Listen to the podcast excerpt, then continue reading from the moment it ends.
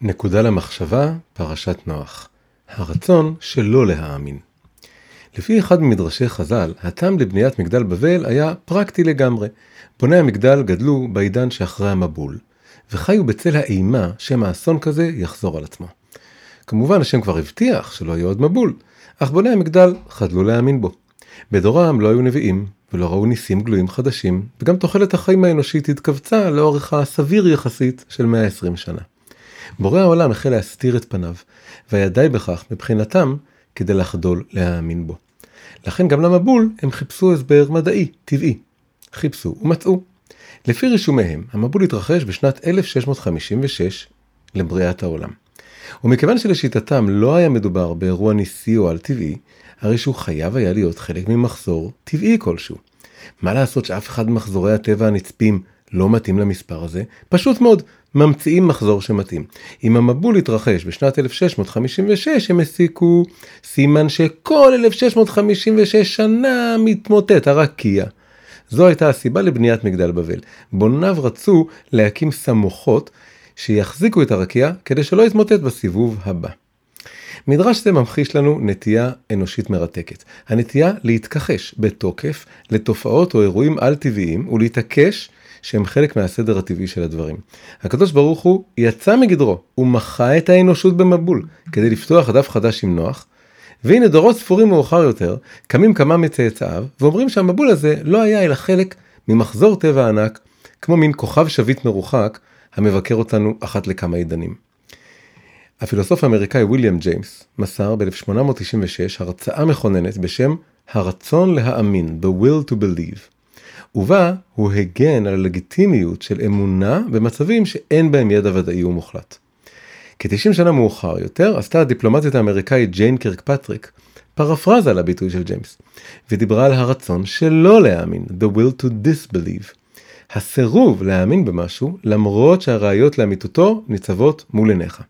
קירקפטריק התכוונה בכך להתכחשותו של השמאל האמריקאי לרעות החולות של הקומוניזם, אך הביטוי שלה מתאים לתיאור כל סוג של סירוב להאמין באמת פשוטה, כמו סירובם של בוני המגדל, להאמין שהמבול היה משמיים. היכן ביכולתנו לראות את סינדרום בוני מגדל בבל בדורנו שלנו? האמת היא שהוא נמצא בכל מקום, אבל יותר מכל ניתן לראותו בהתעקשותם של מדענים אתאיסטים, שהעולם וכל אשר בו ניתנים להסברה אך ורק במונחים של חומר וחוקי טבע. בדורנו, כמו בדורם של בוני מגדל בבל, אין עוד ניסים גלויים המשדדים את חוקי הטבע, וגם לא התרחש לאחרונה מבול בסדר גודל תנכי שכעת צריך להסבירו. אי לכך, הרצון שלא להאמין האתאיסטי מתבטא בהתכחשות למשהו גדול יותר. לכך שעצם קיומו של העולם, על המורכבות הבלתי נתפסת של חוקיו, חלקיקיו וכוחותיו, הם פלא על טבעי אחד גדול. קחו למשל את גישתו של הפיזיקאי הנודע סטיבן הוקינג לנושא המפץ הגדול. במשך שנים מתעקש המדע של היקום לא הייתה התחלה בזמן. או אז, בערך באמצע המאה ה-20, התגלו לפתע ראיות חזקות לכך שליקום הייתה התחלה. אך במקום לראות בכך חיזוק לטענה שהעולם נברא, השתמש בכך הוקינג כדי לתאר את היקום כמערכת סגורה ועצמאית לגמרי, מעין כדור בין ארבעה ממדים המוכל לחלוטין בעצמו. דוגמה נוספת נמצאת בסדרת הטלוויזיה הנודעת קוסמוס, שכתב והנחה האסטרופיזיקאי האמריקאי קארל סייגן. סייגן פתח את הסדרה במילים הקוסמוס הוא כל מה שישנו, או אי פעם היה, או אי פעם יהיה. סייגן ניסה לומר כאן טאוטולוגיה, כלומר משפט שהוא בהכרח תמיד נכון ולא ניתן להתווכח איתו. זה היה עובד, אילו היה מדבר על משהו כמו כללות ההוויה, ביטוי רחב ופתוח שיכול לכלול גם את מה שמעבר לטבע. אך בכך שבחר לדבר דווקא על הקוסמוס, היקום הפיזי, הוא הניח את המבוקש ופסל מראש את האפשרות שיש משהו מעבר לטבע ולחומר. אבל הדוגמה העכשווית החזקה ביותר לרצון שלא להאמין האתאיסטי היא תגובתם של מדענים רבים, כמו למשל היורש של סייגן, ניל דה גרס טייסון, למה שהפך להיות נתון שאי אפשר להתווכח איתו. הכוונון העדין, fine tuning, של היקום. כלומר העובדה שחוקי הטבע מותאמים באופן מדויק לאפשר חיים ביקום. אילו כל אחד מהמשתנים בטבע, למשל עוצמת כוח הכבידה או מטען האלקטרון, היה שונה אפילו בעשירית המעלה, החיים על פני כדור הארץ, או אפילו כדור הארץ עצמו, לא היו יכולים להתקיים. לכאורה, לפנינו ראיה מוחצת לכך שהיקום עוצב בקפידה על ידי מתכנן תבוני.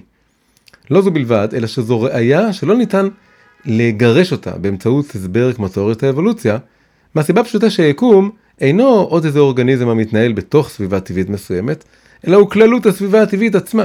אז תיאוריית האבולוציה לא יכולה לעזור כאן. אבל אל תמעיטו בכוחו של הרצון של לא להאמין.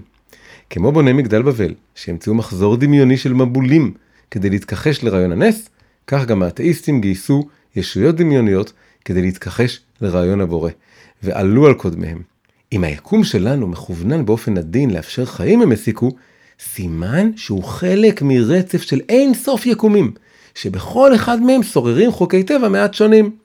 לפי זה, העובדה שהיקום כה מכוונן לחיים אינה מפליאה, הוא פשוט מאוד היקום היחידי בו יש מישהו שבכלל ישים לב לזה. היכן הם אין סוף היקומים האלו אתם שואלים? כאן מגיע החלק הכי טוב. היקומים האחרים הינם לגמרי מקבילים לשלנו. וקווים מקבילים כידוע אינם נפגשים אף פעם. אין ולא יכולה להיות שום נקודת השקה בין היקומים. עלינו פשוט, ובכן, להאמין שהם קיימים. קל לראות כמה מגוחך הפתרון הזה לבעיית הכוונון העדין של היקום. במקום להניח את קיומו של נעלם אחד, מתכנן תבוני ליקום, הוא מניח אין סוף יקומים נעלמים. מולטי יקום מדומיין זה אינו אלא גלגולו החדש של פנתיאון האלים אליו ברחו עובדי האלילים של פעם, מפני שלא רצו להאמין בבורא האחד. רעיון זה אינו תוצר של ספקנות או של חקירה חופשית, אלא הוא נובע ממשהו אחר ופשוט הרבה יותר. הרצון העז שלא להאמין בבורא לעולם. נקודה למחשבה. יש לפחות שתי נקודות אור ברצון שלא להאמין. האחת היא שעצם קיומו בנפש האדם מהווה, בהפוך על הפוך, עוד ראייה למציאות הבורא. העמידה התקיפה והעיקשת על כך שאין מציאות מעבר לטבע ולחומר, אינה אלא השתקפות ארצית של מה שנקרא עצמות השם, תמצית ההוויה האלוקית המוחלטת. השם כביכול החדיר חלק מעצמותו בבריאה, וחלק זה הוא שאחראי לאשליה החזקה שאין דבר מחוצה לה. נקודת האור השנייה היא שהרצון שלא להאמין מזכיר לנו את כוחם של הרצון והבחירה בעיצוב תמונת עולמנו. מסתבר שכשמאוד רוצים להאמין במשהו, הוא הופך לאמיתי עבורנו. מהרצון של לא להאמין בהשם אפשר אפוא לשאוב השראה לאמונה בו. אם ממילא אי אפשר לברוח מהאמונה, לא נותר לנו אלא לבחור במה אנחנו רוצים להאמין וללכת על זה.